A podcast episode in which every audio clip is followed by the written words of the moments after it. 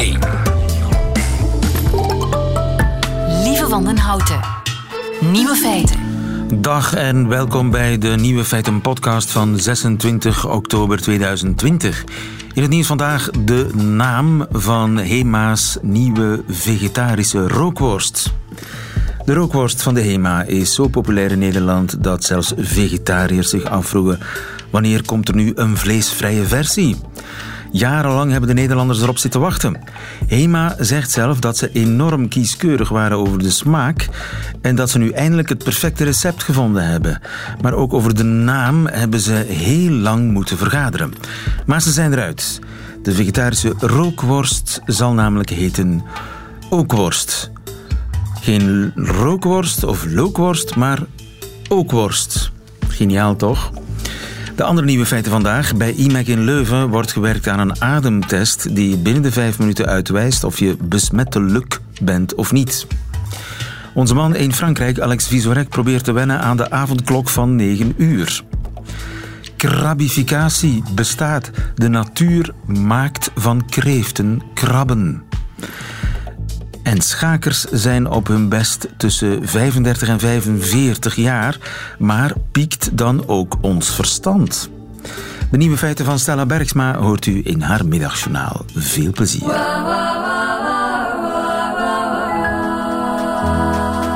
Nieuwe feiten. Tja, die winter die eraan zit te komen, dat wordt een hele donkere. Maar in Leuven zijn ze bezig om de zomer van 2021 enigszins te redden. Peter Peumans, goedemiddag.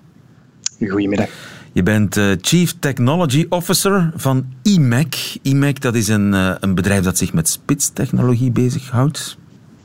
Dat klopt, inderdaad. Ja. Dus IMEC is wel gekend voor, uh, voor zijn kennis op het gebied van chiptechnologie. En wij helpen al jarenlang, al decennia zelf, grote bedrijven in deze industrie om vooruitgang te maken.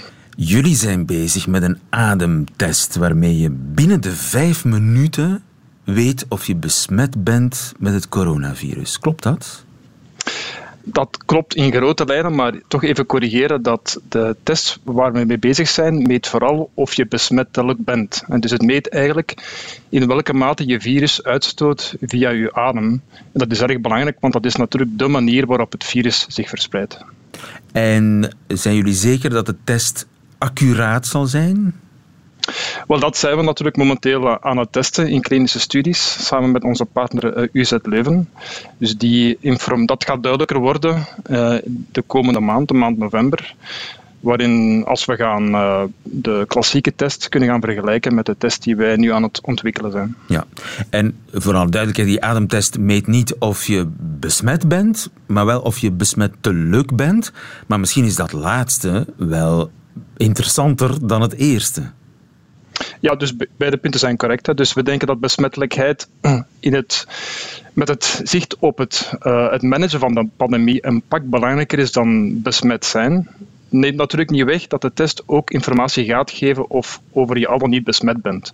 Maar het, de, de kwantitatie gaat eerder zijn van in welke mate ben je besmettelijk. En dat denken we is uitermate belangrijk op dit moment. En hoe gaat dat ding eruit zien? Gaat dat een, een toestelletje zijn dat in mijn handpalm past? Wel, je moet je eigenlijk inbeelden een soort van uit de kluiten gewassen sigaar. Een buisje waar je in blaast. Um, we denken dat de test zal bestaan uit één minuut uh, normaal ademen. Dat betekent voor de meeste mensen dat je ongeveer 10 liter lucht gaat afleveren aan het, aan het buisje. En nadat je het staal hebt afgeleverd, ga je dus de staal, het staalname sigaar dan, ga je dan dokken of, of in een instrument, met een instrument koppelen waarna de analyse dan gebeurt. En die analyse duurt uh, vijf minuten. Ja, en ik krijg een sluitend antwoord op de vraag: ben ik besmettelijk of niet? Ja, nu, uh, kan uh, ik... Het kan zijn dat ik ja. in het begin van een besmetting zit en mm -hmm. dus nog niet besmettelijk ben, maar misschien de dag erna ben ik dat wel. Ja. Ja, dus vandaar dat de test enorm laagdrempelig moet zijn. En dat was dan ook de focus van onze ontwikkeling. We willen vooral iets ontwikkelen ehm, waar we alle barrières voor het nemen van een test wegnemen. Dus die wissers in je neus en, en dergelijke, daar willen we eigenlijk van afstappen. En een blaastest is natuurlijk uitermate laagdrempelig. En dat is dermate belangrijker, omdat in het geval van COVID-19 de verspreiding voornamelijk gebeurt pre-symptomatisch. Dus je voelt toch niks, je hebt nog geen symptomen, maar je bent wel de, het virus al aan het verspreiden. En vandaar die laagdrempeligheid en de focus op een, op een ademtest. Ja, en laagdrempelig, dat betekent dat eigenlijk elke Belg zo'n toestel zou moeten hebben? Of hoe, hoe moet ik dat zien? Nee, we gaan die toestellen initieel plaatsen uh, op, uh, op plekken waar, um, ja, waar natuurlijk veel mensen passeren. Dus in eerste instantie luchthavens. En dan kan je een test doen voordat je het vliegtuig kruipt, om, om zeker te weten dat je je medepassagiers niet gaat uh, besmetten. Dat kunnen ook grotere evenementen zijn, de horeca, grotere bedrijven, waarin de lobby dan zo'n toestel wordt geplaatst. Dat zijn, onze, dat zijn de eerste plaatsen waar we gebruik van onze technologie zien. Op langere termijn denken we ook versies te ontwerpen die meer compatibel zijn met gebruik thuis of bij een huisdokter of, in de, of bij een, een lokale apotheker. Ja, maar in, in, in alle mogelijke scenario's moeten er heel veel sigaren worden Ja. gemaakt. Dat is juist. Ja. Uh, hoeveel ongeveer? Plannen jullie ter, uh, te draaien? Ja, dus dat gaat in de, in de miljoenen lopen natuurlijk. En daarmee is het wel belangrijk dat deze test wordt ontwikkeld op basis van wat we noemen standaard chiptechnologie. En dat betekent dat je die, die chip eens, uh, on, eens de finale eens ontwikkeld is, kan je die in principe gaan laten fabriceren in grote fabrieken die typisch in, in Azië gelegen zijn, aan een, aan een lage kost. Dus vandaar dat het zo belangrijk is dat we in de ontwikkeling ons focussen op die, ja, die standaardprocessen, die standaard chiptechnologieën, om die schaalbaarheid, zoals wij dat noemen, Ja. uh, mogelijk te maken. Dus dat is die schaalbaarheid. Er is natuurlijk ook de validering. Moet zo'n test niet uitgebreid nog gevalideerd worden voor u hem op de markt brengt? Ja, inderdaad. Dus wij, wij gaan tegen het einde van dit jaar heel goed weten of de test werkt of niet. Maar dat betekent nog niet dat we ze op de markt kunnen brengen. Daarvoor zijn die twee trajecten, verificatie en validatie, erg belangrijk. Eh, verificatie betekent dat je in het labo gaat kijken of de, of de test analytisch werkt. Dus dat betekent dat je met stalen die je gaat fabriceren, gaat kijken of het wel degelijk het juiste resultaat geeft. En dan de stap daarna, de validatiestap is, daar, daarin ga je kijken of het toestel zoals je het ontwikkeld hebt, de finale oplossing, ook effectief in de setting waar je die denkt te gebruiken, ook effectief werkt en of er niks misloopt. Ja. Dus die twee stappen die gaan we in de, maand, in de maanden april, mei um, vervolledigen in, in een setting van, um, uh, van de luchthaven. Oké, okay, er komt dus een, een proefproject op de luchthaven. Ja, inderdaad. En als alles goed gaat, dan zou tegen de zomer die, ja, ik noem ze maar de COVID-sigaar, mm -hmm. klaar moeten zijn. Dat zouden ze inderdaad moeten kunnen, kunnen uitrollen. Onder voorbehoud natuurlijk van allerlei technische problemen. Maar dat is inderdaad het plan. En dat zou moeten helpen om de zomer te redden, de festivals te redden misschien? Voilà, inderdaad, ja. Dat... En vooral natuurlijk reizen, hè, wat, wat wij als uh, technologieontwikkelaars enorm missen, naast, uh, naast uh, reizen voor plezier, is natuurlijk de reizen voor, uh, voor, voor ons werk om met partners te kunnen, kunnen gaan praten over allerlei nieuwe projecten.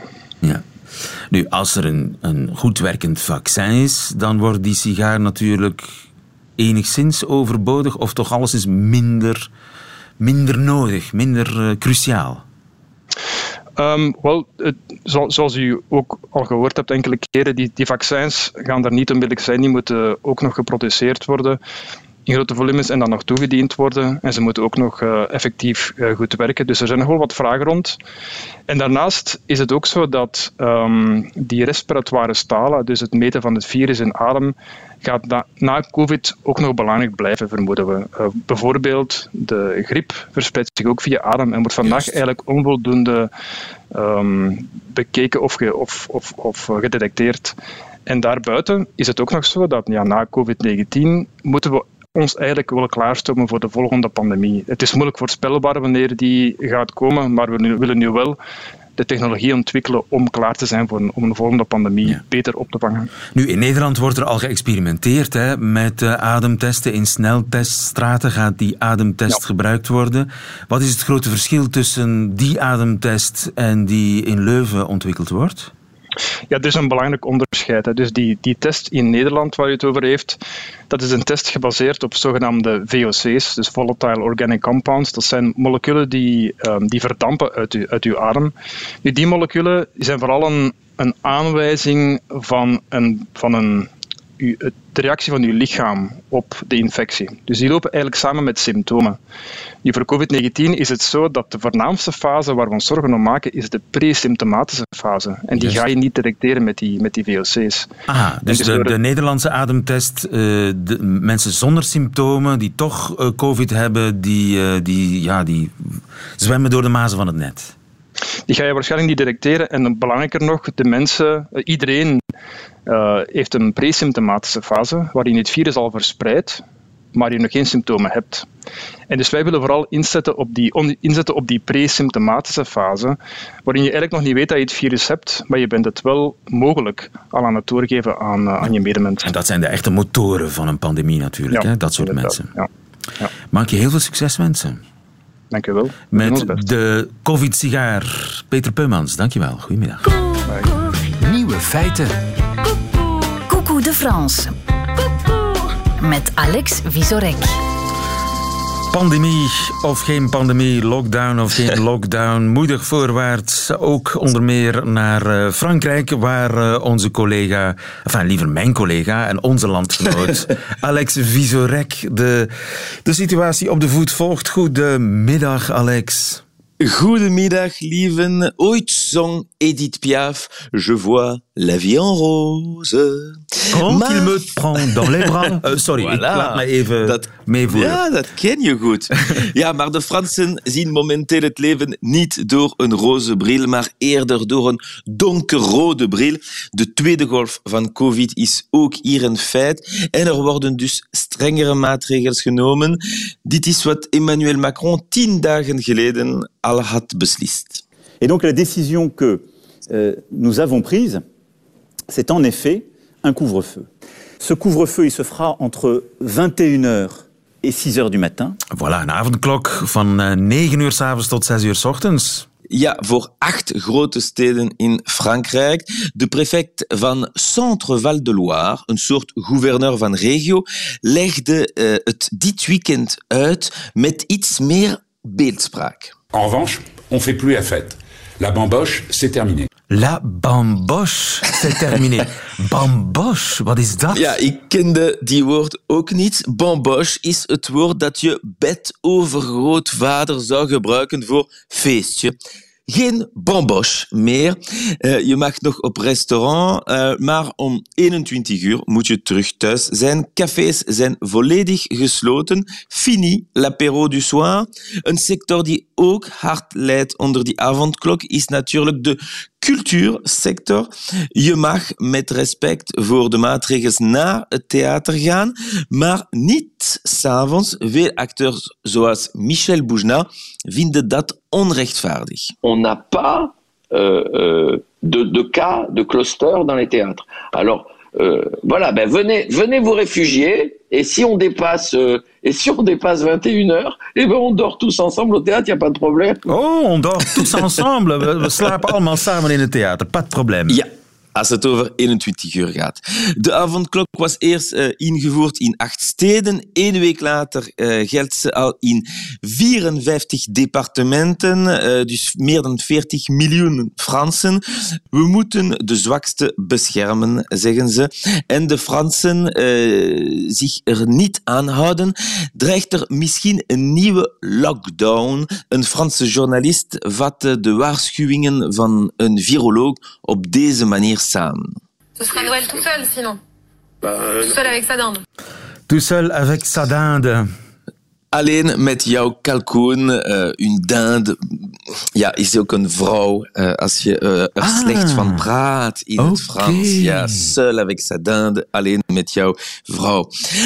alles behalve een ideale kerst. Dus, dus beter om de maatregelen goed na te leven. Ze zijn een beetje anders dan in België, zoals je hoort. Maar je moet niet denken dat ze het hier per se beter aanpakken dan in België. Zoals elk land rekende Frankrijk op een app om COVID tegen te houden. Uh, hier heette die app Stop COVID. Eind september uh, liet ik al eens dit fragment horen met eerste minister Jean Castex. Avez-vous téléchargé l'application Stop Covid sur votre téléphone Non. Non Quoi Non. Non, parce que je n'ai pas chargé, la, je ne l'ai pas fait. Mais pourquoi Mais vous poussez les Français à le faire, vous l'avez pas fait euh, je, Oui, je pousse les Français à le faire, mais je, je ne l'ai pas fait. Ah voilà, ik uh, voilà. moedig de Fransen aan om die app te installeren. Ik heb het zelf niet gedaan. Ja, de premier erkende dat hij de app zelfs niet gedownload had. Twee weken later moest hij wel toegeven. Alors maintenant, je vous annonce, en réalité, Télécovid, indépendamment de ma propre personne, n'a pas eu les effets escomptés. Ja, het heeft niet helemaal... Telecovid. Het, is, het heeft zijn doel niet bereikt.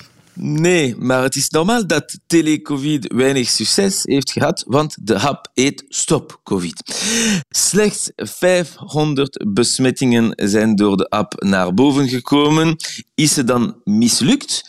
Emmanuel Macron denkt van niet. Je prendrai pas ce chiffre pour dire que c'est un échec. Ça n'a pas marché. Ah voilà. Het heeft niet gewerkt. het heeft niet gewerkt, maar het is geen mislukking. Voilà, retoriek à la française. Hij durft niet alleen de problemen te benoemen, hij had ook een oplossing. Faut qu'on ait une nouvelle application, elle va s'appeler Tous Anti-Covid. Chacun est mobilisé. Akkoord. Dus stop ah. COVID is weg en vervangen door tous anti-Covid. La grande idee, meer betrokkenheid wil hij, uh, dan zal het wel lukken. Iedereen weet dat het virus nieuwe namen had. en deze keer met de steun van eerste minister Castex. Qui sera officiellement lancé le 22 octobre, d'accord? Et donc, euh, à ce moment-là, euh, je la téléchargerai. Et la deuxième, elle aura quoi de différent? Réponse le 22 octobre. Oké. Nieuwe naam voor, ja, een, voor dezelfde app Nieuwe. eigenlijk. ja, dat is het. En die zal uh, hij wel downloaden. Hij heeft het gezegd, maar hij heeft geen flauw idee van wat het verschil zal zijn. Dus Belgen, uh, ik moet het u zeggen, het gras is niet groener aan de overkant. De tweede golf is dus ook in Frankrijk een feit en openlijk is tous anti-COVID.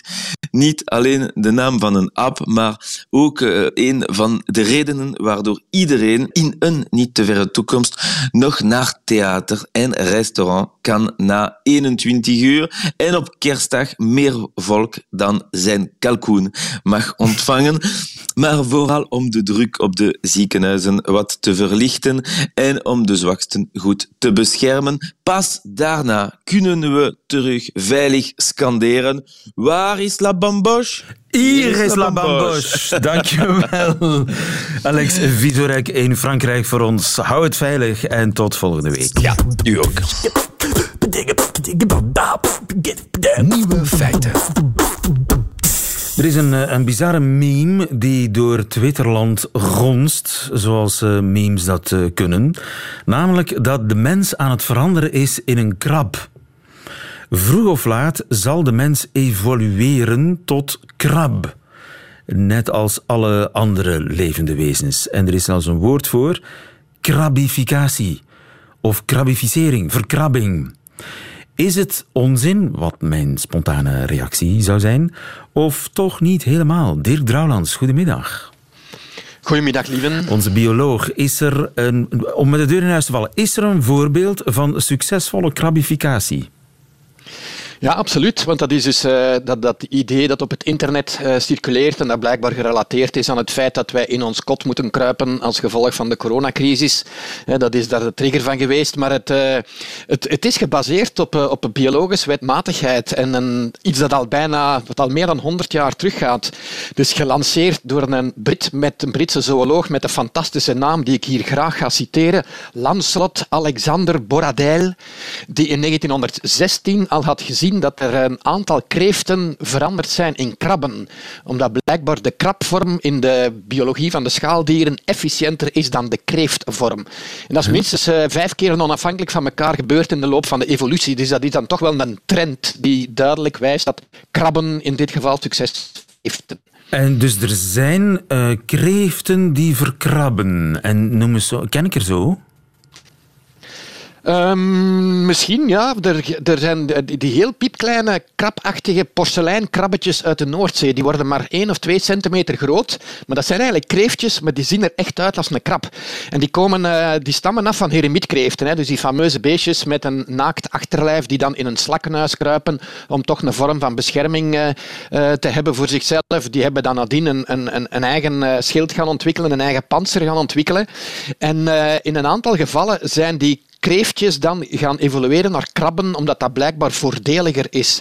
En de bekendste is waarschijnlijk de koningskrab. Dat is die gigant van meer dan twee meter die je in Deadliest Catch en die fantastische oh, documentaires over heldhaftige vissers in de Beringzee. Dus die beesten, dat zijn eigenlijk kreeften die eruit zien als een krab. Ah, dus de, de kingkrab die, die zo lekker is, uh, dat is eigenlijk een, een kreeft. Ja, dat is een, een kreeft vermomd als een krab. Een verkrabde ja, kreeft. Dus eh, de natuur wil van alles een krab maken. Dat is eigenlijk ja, van alles is nu misschien een groot woord, maar toch in, de, in, de, in, in, deze context, ja. En uh, het interessante is dat ze twee jaar geleden ontdekt hebben, dat is een studie die dan heel recent is gepubliceerd, dat het binnenste van die beesten volgt. Dus die kreeftenstructuur, als die verandert in een krabstructuur, structuur, dat betekent dat je dus ook de, de, de, de, de zenuwstelsels moet aanpassen, het bloedvatensysteem moet aanpassen, de spieren en de voorplantingsorgaan moet aanpassen. En dat gebeurt allemaal op een vergelijkbare manier in die verschillende richtingen. Dat heet convergente evolutie.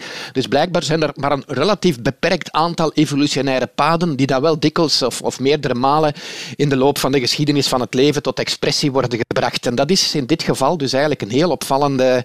opvallende die krabificatie is een heel opvallend gegeven geworden. En wat zijn de... Ja, hoe, hoe kun je dat zien, dat iets eh, krabificeerd wordt, iets breed en plat? Uh, gaat het zichzelf panseren? Gaat het opzij lopen? Is dat een kenmerk van krabificatie? Ja, voilà. Dat is het. Het is kreeften die opzij gaan lopen en die echt plat en, en, en breed worden als een, als een krab. Het eh, eerste kenmerk is dat ze hun achterlijf uh, willen beschermen. Dus die kreeften, hè, die, die, die, lange staart die op de, in, de, in de keuken uh, zo geweldig lekker is, die is heel kwetsbaar voor een kreeft. En het eerste proces in die krabificatie is dat ze die naar onder gaan plooien, onder hun lichaam, en daar dan een panzer over trekken. Nou, ik spreek nu al over honderdduizenden jaren van evolutie. Ja, lieven, dat is ja, ja. iets dat in ik en een jij gebeurt. Maar blijkbaar is dat panzerachtige en dat afgeplatten, waardoor dat ze ook gemakkelijker in bescherming, beschermd kunnen worden, is dat toch wel iets dat, dat, dat, dat heel functioneel is in de natuur, waardoor dat sommige kreeften dus weg evolueren van de klassieke kreeft richting dus de klassieke krab. Ja, ja. Dus er is wel degelijk iets van aan. Krabificatie bestaat. Dat is 100 jaar geleden ontdekt door een Engelsman met een hele schilderachtige naam. Nu, de meme op zich heeft het over mensen die verkrabben. Ja, ik moet aan Donald Trump denken. Ik weet ook niet hoe het komt met die kleine klauwtjes en dat, uh, ja, dat oranje gezicht. Uh, ik heb ook nog niet gecheckt of hij zijwaarts begint te lopen. Maar is het denkbaar dat vroeg of laat ook de mens verkrapt? Nee, we zitten toch wel in een heel andere tak van de, van de evolutie daarvoor. Dus het, ik vrees ervoor harnassen bijvoorbeeld. Dat ja, misschien dat wij met technische middelen eh, ons, onszelf wat krap gaan aanmeten hè, door ons in een harnas te moffelen, waarmee dat we tegen het coronavirus wel niet echt eh, extra bescherming gaan hebben, denk ik. En dan gaan we misschien scheef lopen, omdat we het zwaar gewicht moeten meesleuren. Maar ik denk dat het vooral het zot in de kop is van een aantal mensen die op basis van een biologische parameter beginnen ventileren over, over eh, ja, een ander soort mensenleven. Het is plezant om te volgen. Maar het is mooi dat op die manier dat eh, concept van die convergente evolutie, dat toch wel een heel, heel sterk evolutionair concept is, dat op die manier nog eens extra uh, aandacht krijgt. Ja, maar, dat, dat, is, betekent, dat betekent dat krabificatie loont. Dat uh, in de natuur krab worden loont. Dat, Ja, en de, en de, kans is groot dat er pak binnen 500.000 jaar nog een heel pak meer zullen zijn. Hè. Je ziet dat ook. Hè. Als, je die, als je bijvoorbeeld bij onze Chinese wolhandkrab ziet, die dat, daar zo, dat is een krab die ingevoerd is uit China met ballastwater van schepen en die uh, uit de zee massaal de rivieren opgaat. En soms sukkelen die dan uh, in, komen die voor een sluis terecht en moeten die op land en sukkelen die in huizen. En is dat een gigantisch probleem, want die kunnen met massa's tegelijk zijn. Dat zie je nooit met kreeften. Dat kan blijkbaar alleen in een krabbencontext. En in die zin is dus, dat is ook nog zo'n extra indicatie van het feit dat het, het, het, het krabbenconcept eigenlijk succesvoller is dan het kreeftenconcept. En dus gaat de natuur daar op inzetten. Ja, als de natuur kan kiezen, dan kiest het voor krap. Dankjewel, Dirk Brouwlands. Goedemiddag. Nieuwe feiten. De meeste sporters die beginnen toch ja, rond hun dertigste stilaan te denken aan pensioen. Want uh, hun fysieke prestaties gaan daarna vrij snel bergaf. Maar op welke leeftijd piekt nu ons verstand? Wanneer is bijvoorbeeld een schaker op zijn best? Tom Bekkers, goedemiddag. Goedemiddag, dag lieve. Je bent uh, cognitief psycholoog aan de Universiteit van Leuven. Klopt. Er is een interessante studie uh, gemaakt. Bijna 5000 schaakpartijen, professionele schaakpartijen, van de voorbije 120 jaar zijn grondig door de computer geanalyseerd. Dat wil zeggen, elke zet in de loop van elke wedstrijd is door de computer geëvalueerd. En daar kun je natuurlijk uh, zien hoe ja, het verstand van de schakers in de voorbije 120 jaar is geëvolueerd. En dan kun je misschien ook al conclusies trekken over de leeftijd van de schakers en de piek van hun prestaties. Ja, uh, dat is uh, in ieder geval wat ze geprobeerd hebben inderdaad. Ze hebben al die uh, partijen um, geanalyseerd, vergeleken met wat een schaakcomputer zou doen als ideale set.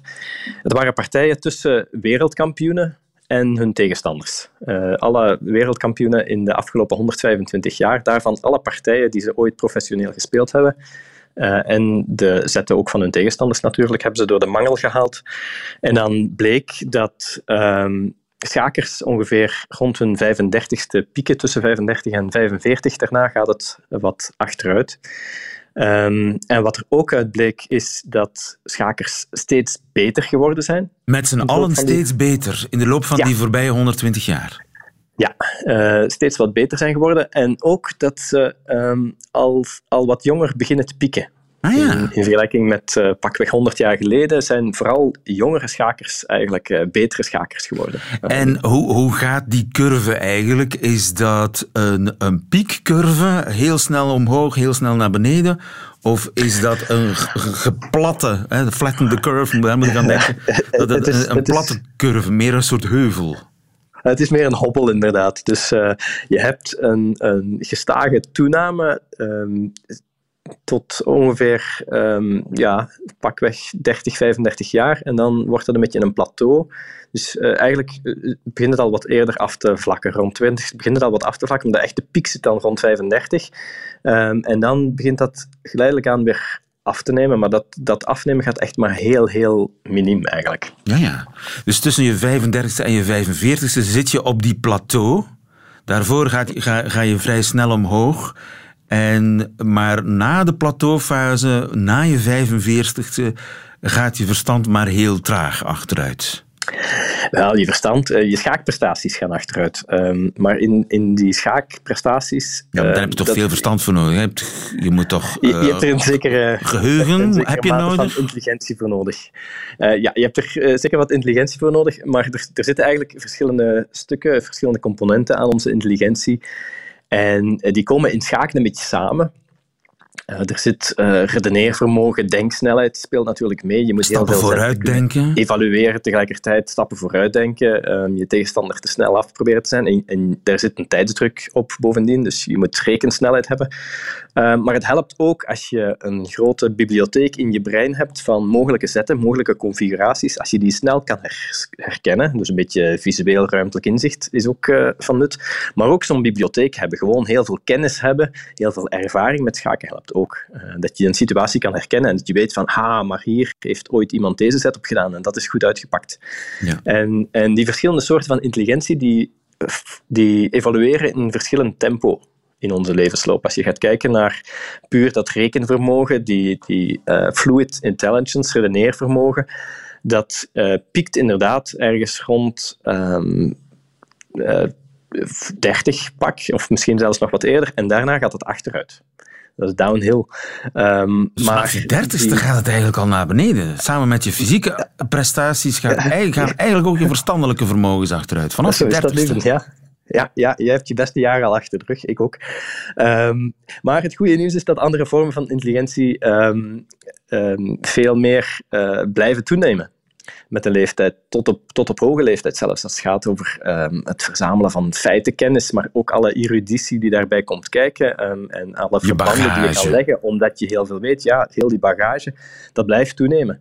Ehm, en en uh, afhankelijk van in welke tak van sport dat je zit, en sport bedoel ik hier metaforisch dan, um, pieken mensen dus ook op andere leeftijden. Um, als je gaat kijken naar exacte wetenschappen zoals fysica, wiskunde, vaak zie je inderdaad dat mensen hun, hun meest grensverleggende ontdekkingen doen op, op vrij jonge leeftijd. Juist, ja. uh, ontdekkingen waarvoor ze later ooit een Nobelprijs zullen krijgen. Tuurlijk. En dat, dat geldt ook bijvoorbeeld voor... voor meesterwerken bijvoorbeeld, of, ja. of, cinematografische meesterwerken, dat, dat zijn dingen die, die vaak nog op, op uh, hoge leeftijd geproduceerd worden. Ja, tuurlijk. Je hebt de, de Amerikaanse schrijver James Salter. Die schreef op zijn 87ste zijn beste boek. Uh, dus dat kan. Maar anderzijds, ja, de, de, grote vernieuwers in de comedy bijvoorbeeld, de, de Monty Pythons, de Code MB, uh, dat zijn mensen die gepiekt hebben voor hun dertigste. Dus, de, op elke regel zijn uitzonderingen natuurlijk, um, maar, maar ik, ik, zou durven beweren dat Ricky Gervais een beste werk recent gemaakt heeft, bijvoorbeeld. Dat dus, zou kunnen, ja. Dat zou kunnen. Daarover kun je natuurlijk uh, uh, lang discussiëren. Feit is dat je na je dertigste een heleboel verstandelijke vermogens al aan het verliezen bent, maar dat wordt gecompenseerd door andere verstandelijke vermogens die juist aan het toenemen zijn nog na je dertigste. En de afname gaat traag. Wat mij wel intrigeert is dat we dus, met als we naar het schaken kijken, dat de professionele schakers zijn op een eeuwtijd verbeterd. Is de mens dan in, diezelfde, in de loop van diezelfde honderd jaar slimmer geworden? Ha, dat is een heel interessante vraag. Dat is een vraag die al tot veel debat heeft geleid uh, bij onderzoekers, uh, intelligentieonderzoekers. Er bestaat zoiets als het Flynn-effect. Als je gaat kijken naar prestaties op intelligentietests, op, op van die officiële gevalideerde um, proeven die mensen doen om hun intelligentie te meten, dan zie je inderdaad in de loop van de vorige eeuw dat dat gestaag toeneemt. Uh, als je steeds dezelfde test zou afnemen, dat mensen per decennium ongeveer drie IQ-punten omhoog gaan. Mm -hmm. Maar nu, het feit dat, dat de schaken, dat, dat mensen beter worden in schaken, ja, dat, daar kun je niet omheen natuurlijk. Nee. Nu, um, er zit, het, op zich is het een heel, intelligent, een, een heel elegante benadering, wat ze hier gedaan hebben, inderdaad omdat je zo'n constante meting hebt. Schaken is niet veranderd in die 100 jaar. En, en wat de optimale zet is, dat kan je dus nu inderdaad gaan berekenen met zo'n schaakcomputer. En dat blijft ook hetzelfde. Dus je hebt identiek dezelfde prestatie, identiek dezelfde benchmark over decennia heen. Vaak ook voor dezelfde persoon over zijn hele leven heen. Dus dat zijn in die zin unieke data, zou je denken, waarmee je dit soort van vragen veel beter kan gaan beantwoorden. En dan zie je dus inderdaad van dat het lijkt uh, dat we steeds slimmer worden, of in ieder geval dat schaakgrootmeesters steeds slimmer worden in de afgelopen eeuw. Het aandeel van optimale zetten in een partij neemt stelselmatig toe. Um, er is één kleine kanttekening bij te maken. Als je, als je die paper grondig gaat lezen en je gaat kijken helemaal achteraan in de discussie, dan blijkt ook wel ergens dat in die afgelopen eeuw schaakpartijen gemiddeld, gemiddeld ook minder complex zijn geworden over de tijd. Um, ja, en dan is het misschien niet gek dat schaakmeesters steeds meer optimale zetten doen als ze steeds minder moeilijke partijen spelen, als het ware. Ja, dus voor elke deur die open gaat, gaat er weer een andere dicht. Zo zit de wetenschap in elkaar. Maar uh, het, het is toch een bewijsstuk meer voor de theorie dat de mens slimmer aan het worden is. Laten we het daarop houden. Maar we zijn nog altijd niet helemaal zeker. We zijn nog altijd niet helemaal zeker. Maar ongetwijfeld, bedoel, in zekere mate zal dat zeker waar zijn. Eigenlijk zit de discussie op dit moment vooral over de vraag of dat nog altijd zo is. Dat we heel veel winst hebben geboekt in die afgelopen eeuw, dat is toch wel duidelijk. En dat heeft ook gewoon te maken met het feit dat, dat er betere kansen zijn, dat er um, betere gezondheidszorg is, betere voeding, al dat soort dingen heeft samen met onze levensverwachting ook onze, intelligentie, onze cognitieve ontwikkeling omhoog gestuurd. De vraag is of dat nog altijd aan de gang is, of we misschien de grootste winst op dat vlak al gemaakt hebben. Um, en daar is op dit moment heel veel discussie over. Of dat Flynn-effect aan het afpotten is in met name de meest ontwikkelde landen, um, of dat het toch nog verder gaat. Afspraak over een jaar of tien. Misschien weten we dan meer. Een jaar of honderd stel ik voor. Oké, deal. Tom Bekkers, dankjewel. Goedemiddag. Graag gedaan. Radio 1. Nieuwe feiten. Dat waren de nieuwe feiten van 26 oktober 2020. Alleen nog die van Stella Bergsma, de schrijfster, krijgt u in haar middagjournaal. Nieuwe feiten. Middagjournaal. Dag, dag, dag, liefste mensen. Ik ben Stella Bergsma, Stella Isolanus, Stella B, Stella B, Stella Beck met mijn grote Stella Beck. En ik heb tieten. En dat spijt me heel erg. Ik kan er niks aan doen. Ik ben ermee geboren. Of nou ja, geboren, u snapt me. Ze zitten er op mijn borst. Ze hangen er rond. Vol en mooi te zijn. Maar dat is niet goed.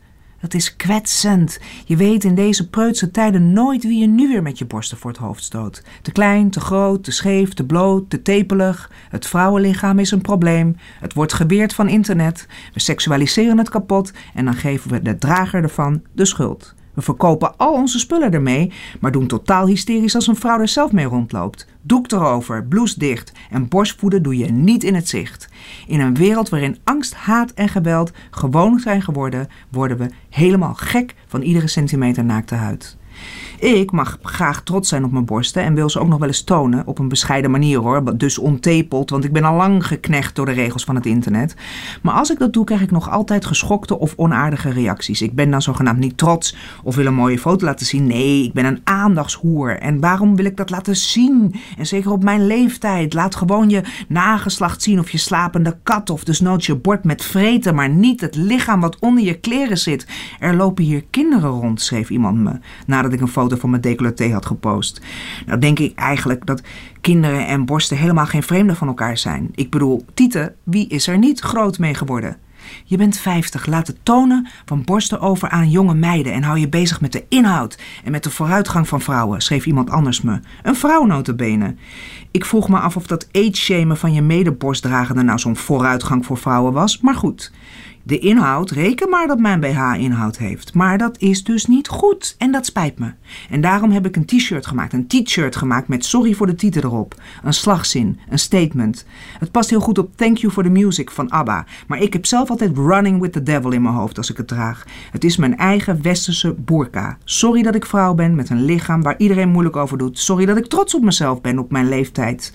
Sorry dat ik soms een te kort rokje aan heb en soms een te lang. Sorry, sorry hoor. Ik droeg het shirt laatst op tv en legde uit dat borsten stressverlagend kunnen werken als je naar ze kijkt of ze vasthoudt. Ze zijn mooi en lief en wij doen raarder over ze dan we doen over elkaar uitschelden of doodsbedreigingen sturen. We zijn totaal vervreemd van wat goed en natuurlijk is. En dat spijt me heel erg. Maar sindsdien wil iedereen zo'n shirt hebben. En verkoop ik ze. En uh, op mijn website. En uh, uh, ik heb ze ook voor mannen. Want die voelen zich altijd snel buitengesloten. En daar staat op bedankt voor de titel. En wees snel, want ze gaan als warme bosjes over de toonbank. En sorry voor de promotie. Sorry hoor. Sorry dat ik besta. Sorry voor alles.